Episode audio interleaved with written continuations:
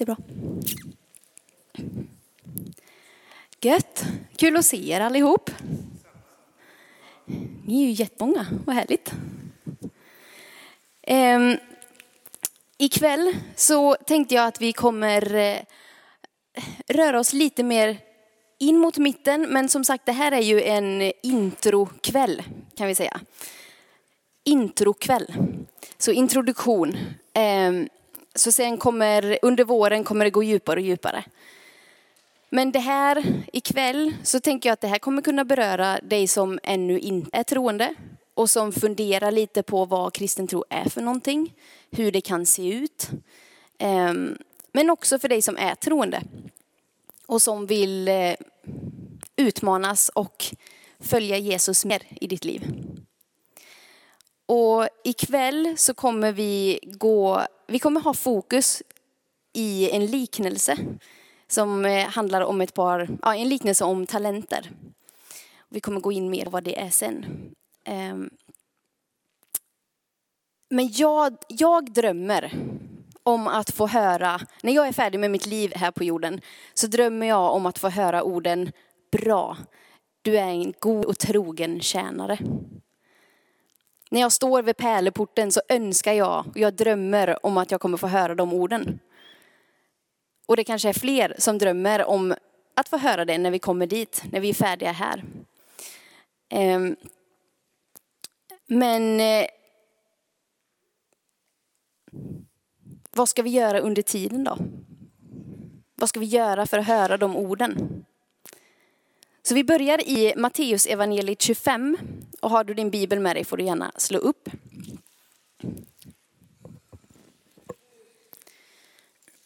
Matteus evangeliet 25. Vers 14 till och med 30. Och vi ska läsa det och det är ett ganska långt stycke. Så nu får vi vara lite på tårna, nu får vi vara vakna. Så då står det... Ska vi höja ljuset, höll jag på att säga.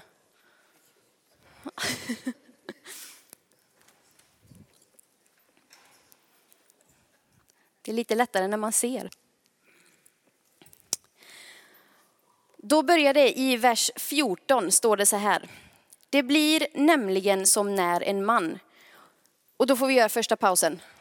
Vad blir när? Och då får vi gå till första versen här. Då står det, då blir det med himmelriket som när. Så då vet vi det när vi fortsätter i vers 14. Det blir alltså med himmelriket som när en man skulle resa bort och kalla till sig sina tjänare och lät dem ta hand om hans egendom. Den ene gav han fem talenter, den andra två, den tredje en, åt var och en efter hans förmåga.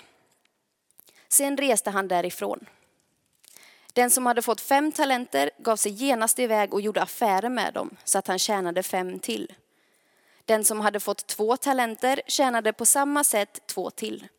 Men den som hade fått en talent gick och grävde en grop och gömde sin herres pengar.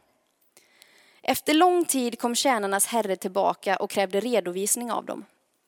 Den som hade fått fem talenter kom och lämnade fram fem till och sa, Herre, du gav mig fem talenter. Här är fem till som jag har tjänat. Hans herre sa, bra, du är en god och trogen tjänare. Du har varit trogen i det lilla, jag ska anförtro dig mycket.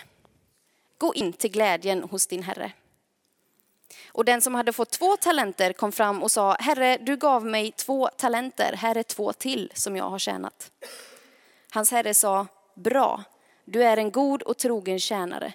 Du har varit trogen i det lilla, jag ska anförtro dig mycket. Gå in till glädjen hos din herre. Den som hade fått en enda talent steg också han fram. Herre, sa han, jag visste att du är en hård man som skördar där du inte har sått och samlar in där du inte har strött ut. Jag var rädd och gick och gömde din talent i jorden. Här har du vad som är ditt. Hans herre svarade honom, du är en slö och dålig tjänare. Du visste att jag skördar där jag inte har sått och samlar in där jag inte har strött ut. Då skulle du lämnat mina pengar till banken så jag hade kunnat få igen dem med ränta när jag kom. Ta nu ifrån honom talenten och ge den åt mannen med de tio talenterna. Var och en som har, han ska få och det i överflöd. Men den som inte har, från honom ska tas också det han har. Kasta ut den oduglige tjänaren i mörkret där ute. Där ska man gråta och skära tänder. Wow, vilket peppande slut, eller hur? Den här texten är ju som sagt ganska lång så vi får bryta ner den här lite. Vad var det precis vi läste? Vad är det vi har i texten? Vi har en herre och vi har tre tjänare.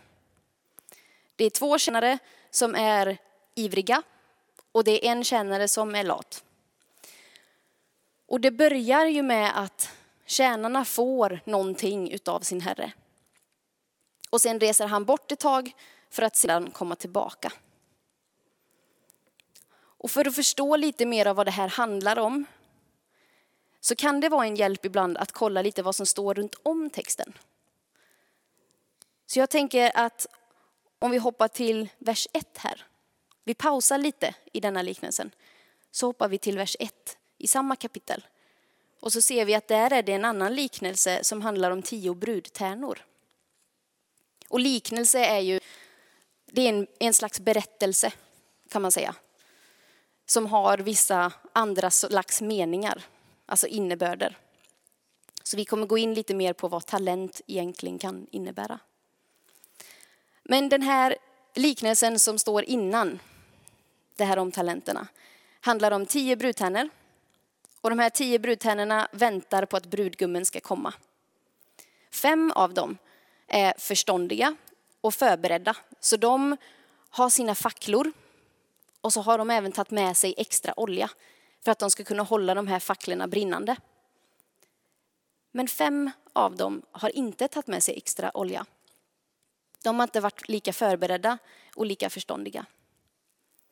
Och de här tio brudtärnorna, de väntar ganska länge så de hinner slumra till allihop och sen plötsligt så vaknar de av att någon ropar nu är brudgummen här. Och då börjar de göra i ordning sina facklor igen.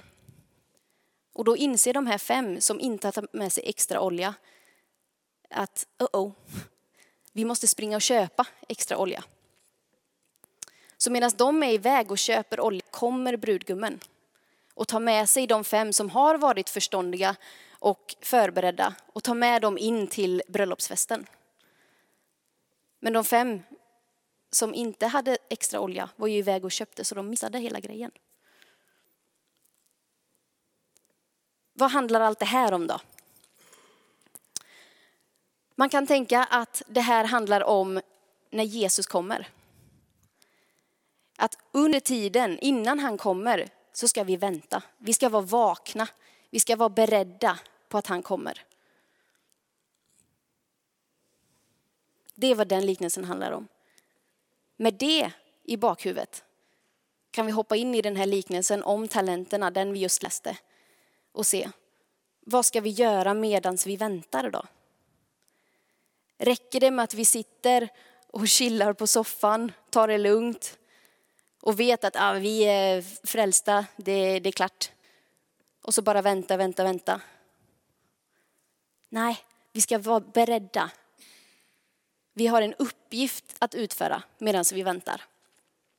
Tjänarna fick några talenter. De fick dem att förvalta och ta hand om medan eh, Herren var iväg. Och det är vår uppgift. Vi ska inte bara vänta utan vi har en uppgift att utföra medans vi väntar på hans återkomst.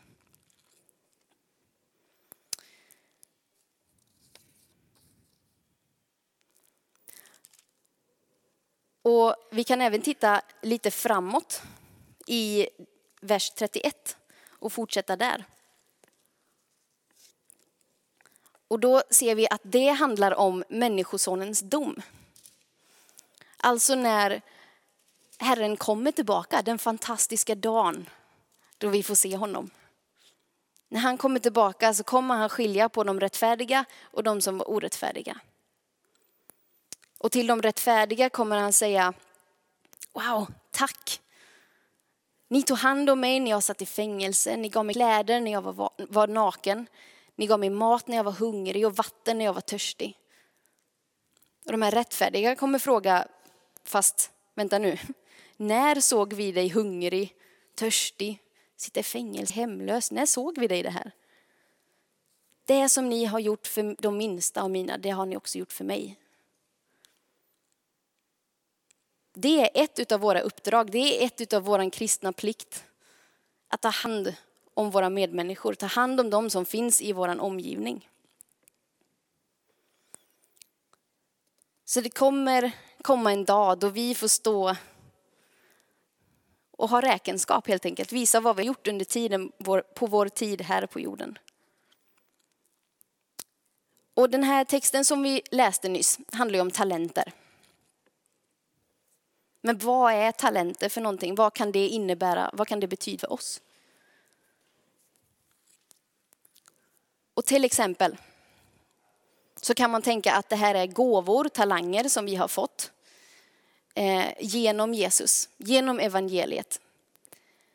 Men nu pratar inte jag om gåvor och talanger som att wow, du är bra på fotboll, gött, använd det för Guds rike. Eller fint, du är bra på musik, använd det till Guds rike. Det kan absolut göra. Men jag tror att det här handlar om någonting som är lite djupare också. Någonting som vi inte kan ge ut i oss själva. Utan någonting som vi först har fått ta emot utav Jesus. Och vad är det vi får ta emot genom Jesus? Jo, till exempel andens gåvor. Och vad är det för någonting då? Och vilka är de?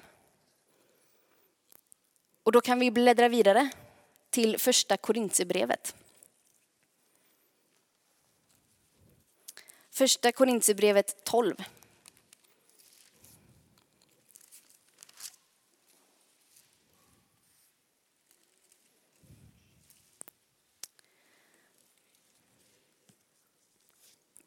Första Korintierbrevet 12, vers 4 börjar vi vid.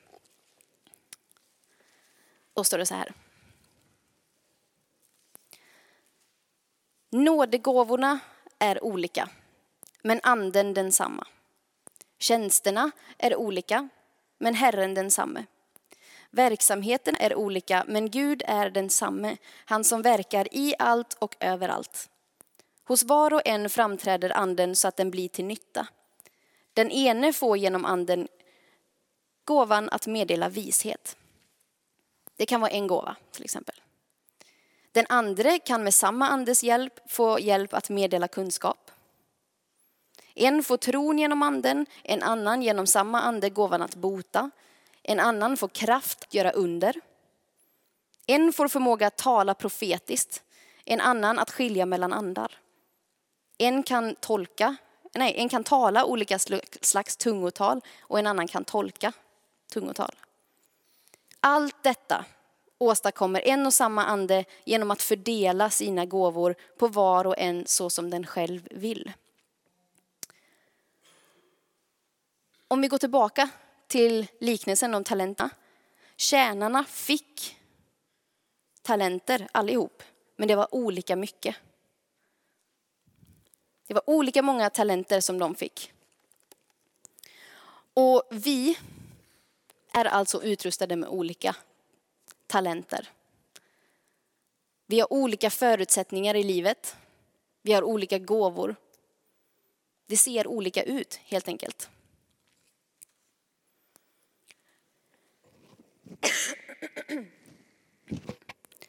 Men det här, alltså det är det här som är det fina tycker jag. Att tillsammans, alltså de här tjänarna, det är upp, upp till dem att inte se snett på varann. Att se att, jaha, men aha, han fick fem talenter. Jag fick bara en. Eller om vi vänder på det, ser det som att, jaha, jag fick fem talenter. Han där fick bara en. Det är inte heller okej. Okay. Det handlar inte om att jämföra. Det handlar om att tjänarna ser vad de har och använder det för Guds rike. Så det är tjänarnas uppgift att inte kolla snett på varandra. Och därmed så är det fina med att vi i en församling som kristna, vi står ju inte ensamma. Vi har varandra, tillsammans är vi en kropp som får stötta upp varandra. Och då står det i Romarbrevet. Nej, för sig, vi kan stanna kvar, förlåt, vi kan stanna kvar i första Korinthierbrevet eh, och gå till vers 27.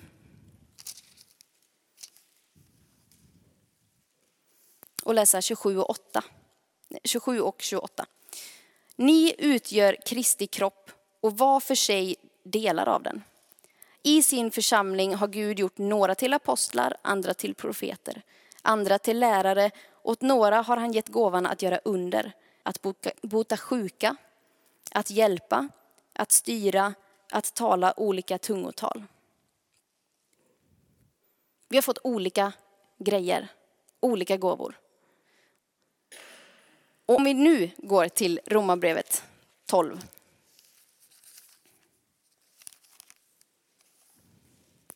Romarbrevet 12, vers 4 till och med 8.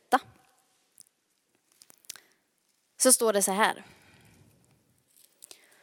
Ty liksom vi har en enda kropp, men många lemmar, alla med olika uppgifter, så utgör vi, fast många, en enda kropp i Kristus. Men var för sig är vi lemmar som är till för varandra. Vi har olika gåvor allt efter den nåd vi har fått.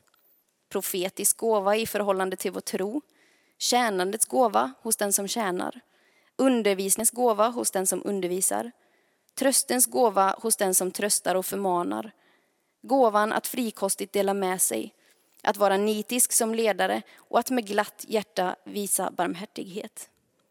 Och nitisk som ledare, nitisk, det ordet det betyder typ ambitiös, ivrig, um, ja, flitig. Sådär. Så alltså, vi, vi är en kropp tillsammans. Vi har olika förutsättningar, men vi hjälps åt. Till exempel en arm är ju ganska mycket större än vad örat är. Men armen kan ju fysiskt sträcka sig längre än vad örat kan. Men örat kan ju uppfatta någonting som händer långt där borta, som inte armen kan. Eller tårna som hjälper oss hålla balansen när vi står eller när vi går. Jämfört med knät som böjer sig för att vi ska kunna gå framåt på ett smidigt sätt. Allting hjälps åt, allting är viktigt men det ser olika ut. Så det handlar inte om att titta snett på alla andras gåvor utan se vad vi själva har och göra någonting med det. Och det är det som är lite intressant i den här liknelsen.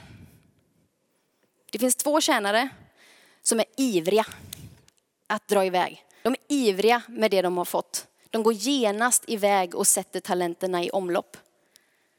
De börjar arbeta med en gång. Och när de riskerar någonting, när de satsar någonting, då får de också avkastning på det. Det blir vinst på det. Medan vi har den sista tjänaren som fick en talent. Han orkar inte riktigt. Han fick talenten, grävde en liten grop i jorden och la ner den där. Så. Han orkar inte göra så mycket och det är klart att då blir det inte så mycket vinst på det. Så växer det ju inte. Så det handlar om att, om att satsa på det som du har fått. Och jag är nästan lite säker på att om den här mannen, en enda talent, om han också hade satt det i verket, om han hade satt det i omlopp, även om det bara var en talent, så hade han också fått lika mycket avkastning som de andra. 100 procent. För om vi kollar igen i Matteus evangeliet, beliknelsen där, Matteus evangeliet 25, så står det att de två första tjänarna, en fick fem talenter och en fick två. Båda två får exakt samma svar av Herren när han kommer tillbaka. Och exakt samma vinst. Den ene kommer fram och ger fem talenter och säger, här är fem till som jag har tjänat. Och då säger Herren så här, bra, du är en god och trogen tjänare. Du har varit trogen i det lilla, jag ska anförtro dig mycket. Gå in till glädjen hos din Herre. Och sen kommer den som har fått två talenter fram. Och sen säger han, här är två till som jag har tjänat. Bra, du är en god och trogen tjänare. Du har varit trogen i det lilla, jag ska anförtro dig mycket. Gå in till glädjen hos din Herre. Svaret och vinsten är exakt samma hos de som har vågat satsa. Men inte hos den som har varit lat och gömt den. Och ibland tänker jag när vi pratar om att våga satsa, då är det ofta man kan tänka, ah, fast jag vågar inte. För att det finns en rädsla som håller oss tillbaka. En rädsla för vad andra ska tycka och tänka. En rädsla för, ah, ja, hur kommer jag se ut egentligen kanske? Kanske kommer se lite dum ut. Kanske det kommer vara väldigt obekvämt. Så man vågar inte. Så man gömmer sin talent istället och tänker, ja men jag vet att den finns här. Gräver jag ner den här så vet jag att den ligger där. Men hur kul är det? Det blir ingen vinst på det, det blir inget kul med det.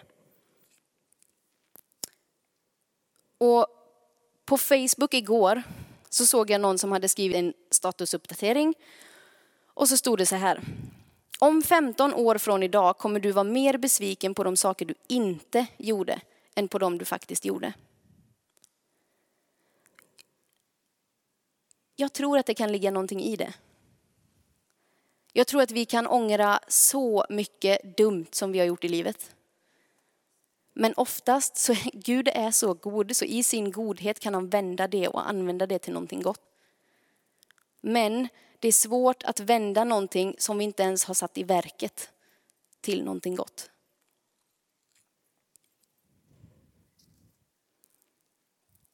En gång så var jag ute på bönevandring med några kompisar. Och då satt vi utanför ett universitet och det var helgdag, så det var inte så många där. Men eh, vi satt och bad för det här universitetet i alla fall och för alla elever som gick där. Och under tiden när vi ber så tittar jag till vänster och så ser jag en tjej som står där och kastar boll med sin chefer, med sin hund. Och jag känner direkt när jag ser henne en liten maning in, inombords liksom att ah, du ska prata med den där tjejen. Men jag tänker, nej, jag känner inte henne. Det, nej, det blir bara jättekonstigt. Vad ska jag säga? Så jag sitter kvar och vi ber lite till.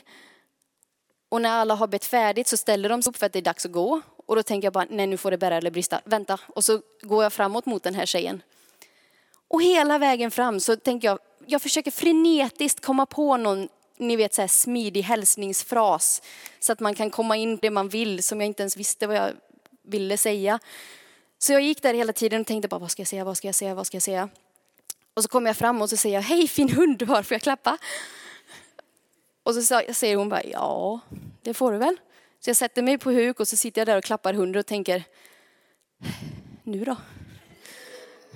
Så jag sitter där en stund och för att köpa mig mer tid så frågar jag, vad heter den? Och så säger hon något fint namn som jag inte ens lyssnar på. För jag försöker ju frenetiskt tänka, vad ska jag säga nästa? Och så sitter jag där lite, brottas lite med mig själv och så bara, nej okej, okay. nu får det bära eller brista. Så jag ställer mig upp, säger som det är. Ja, jag satt där borta med några tjejkompisar. Jag tror på Gud och jag kände att jag skulle säga det här till dig. Och så sa jag någonting och hon är helt tyst. Hon står bara och stirrar på mig och jag tänker, åh, jag vill bort härifrån. Och så står hon där en stund och bara tittar på mig och sen säger hon, är du seriös? Ja. Och hon tappar nästan hakan. För jag har talat in i hennes liv. Alltså det, det som var sagt träffade henne i hjärtat. Det är någonting som hon gick igenom. Jag känner inte henne. Det är bara Gud som känner henne, som, som skulle kunna veta en sån grej. Och så fick jag berätta lite, för hon, hennes pojkvän kom ifrån ett kristet hem och sådär. Så jag fick berätta lite om vem Jesus var, för hon visste inte riktigt, de hade inte pratat om det så. Och hon ville inte ta emot Jesus där och då, men hon fick fundera på det. Och hon sa det, tack att du kom fram, tack att du vågade. Och så när jag gick därifrån så tänkte jag, åh, en sån lättnad i hjärtat. Ja, jag kanske såg lite konstig ut när jag gick fram där och liksom, ja, ursäkta. Ja, det kanske jag gjorde. Men vad spelar det för roll? I ljuset av evigheten, vad spelar det för roll? Jag fick vara en liten pusselbit i hennes väg mot Gud. Och det är så värt det. Det är så värt det. Och att våga satsa. Alltså gåvan att ha tro. Hur kan man träna upp det då? Hur kan man bli bättre på det? Hur kan man förvalta det? Till exempel, säga saker som du känner kanske att Gud manar dig till att säga. Du kanske får en bild till någon. Våga prova. För det är när vi sätter det till verket som vi ser att det funkar och det är då vi börjar fyllas med ännu mera tro. Och fylls med ännu mera tro och ännu mera tro. Till slut är ingenting omöjligt. Eller gåvan att hela. Hur arbetar vi upp den då? Det för, alltså att försöka. Att be för någon som har ont någonstans. Och ja, det kanske inte blir helat varje gång. Men det är värt att satsa och prova. När vi riskerar någonting så tror jag att på ett eller annat vis så blir det vinst på det.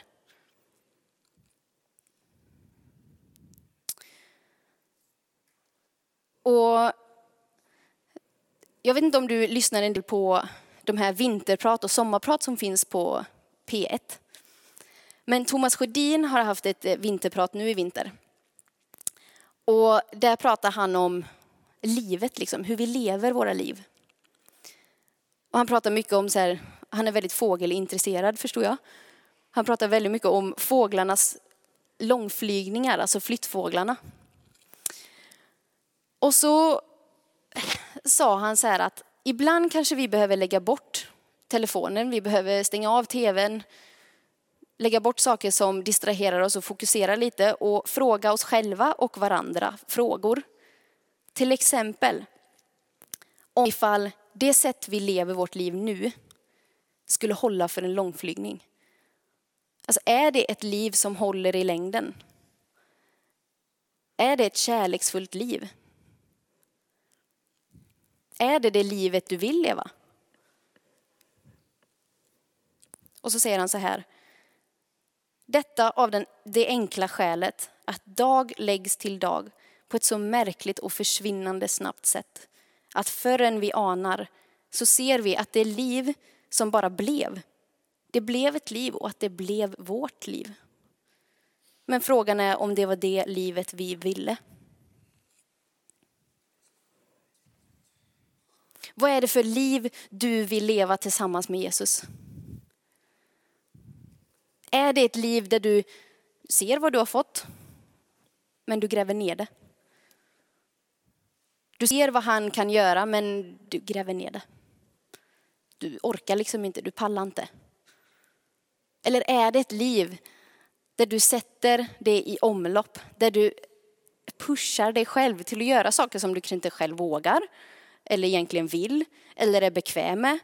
Men där Gud får vara i centrum, där Gud får komma och verka. För det ligger något i det där att när vi är svaga och små, då får han vara stor och stark. Och det ser vi genom hela Bibeln. Gud använder små, svaga människor till att göra stora, stora grejer. Amen. Till exempel kolla på lärjungarna. De var väldigt enkla människor. Lärjungarna som fick följa efter Jesus när han vandrade här på jorden. De var inga Einsteins. De var inga forskare. De var inga brighta, smarta matematiker. Det var fiskare, snickare, tullindrivare som kanske inte alltid gjort alla rätt i livet sådär. De fick följa efter Jesus. Guds son. De använder enkla människor till att göra underverk. Och alltså, grejen är, man kan ju kanske tänka att den här mannen som fick en talent, man kanske kan tycka lite synd om honom. Ja, men de, de andra fick ju mer än dubbelt så mycket än han. Han kanske var lite sur för att han bara fick en. Det kanske var därför han grävde ner talenten i jorden och gömde den. Men grejen är att en talent på den tiden var inte så lite. En talent räknades som att kunna vara vad man tjänar på en halv livstid. Så om vi säger att du jobbar i 25 år med någonting där du får 24 000 i månaden. Det blir 6 miljoner spänn. 6 miljoner kronor fick han bara sådär. Bara, äh, jag pallar inte. Det är, ju en, det är en halv förmögenhet som han fick. Så det är inte det att han fick lite och de andra fick mycket. Alla fick supermycket. Så det kan inte vara det att han var sur. Det måste ha varit det att han bara var lat och inte orkade.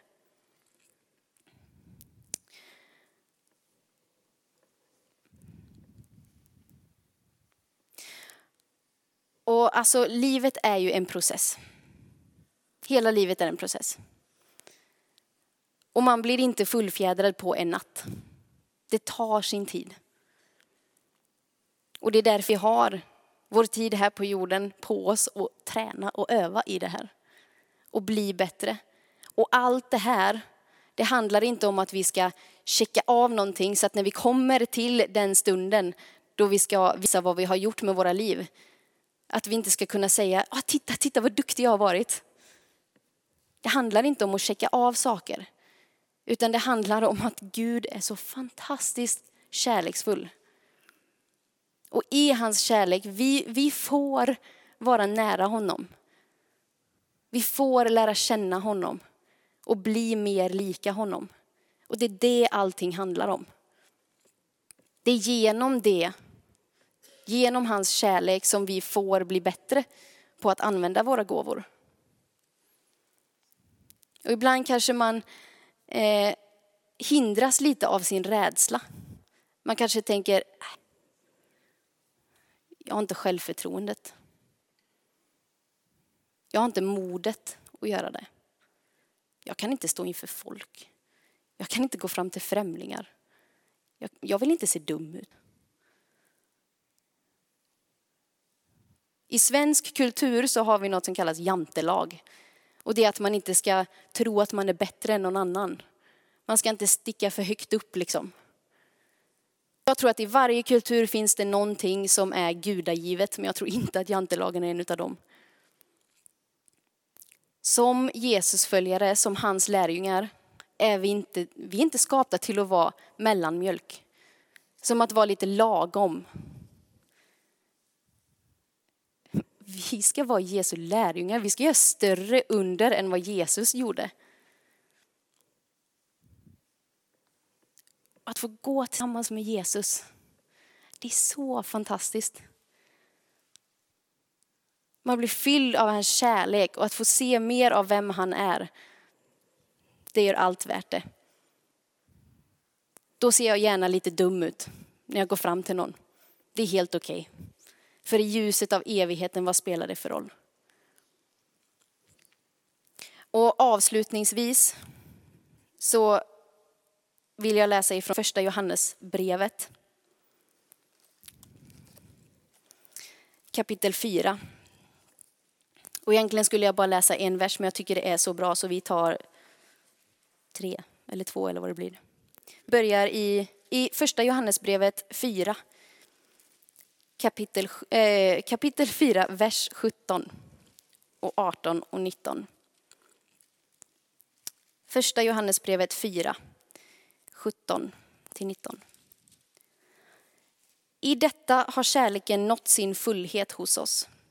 Att vi kan vara frimodiga på domens dag. Ty sådan som Kristus är, sådana är vi i denna världen. Rädsla finns inte i kärleken, utan den fullkomliga kärleken fördriver rädslan. Ty rädsla hör samman med straff och den som är rädd har inte nått kärlekens fullhet. Vi älskar därför att han först älskade oss. Vi älskar därför att han först älskade oss. Det är det allting handlar om. Det är det som vi kommer få utveckla mer under den här våren. Lära känna Jesus mer, bli mer lika honom i det att vi upptäcker vilka gåvor vi har och hur vi kan få förvalta det och vara goda tjänare och till slut kanske höra de där fantastiska orden. Bra, du är en god och trogen tjänare. Amen.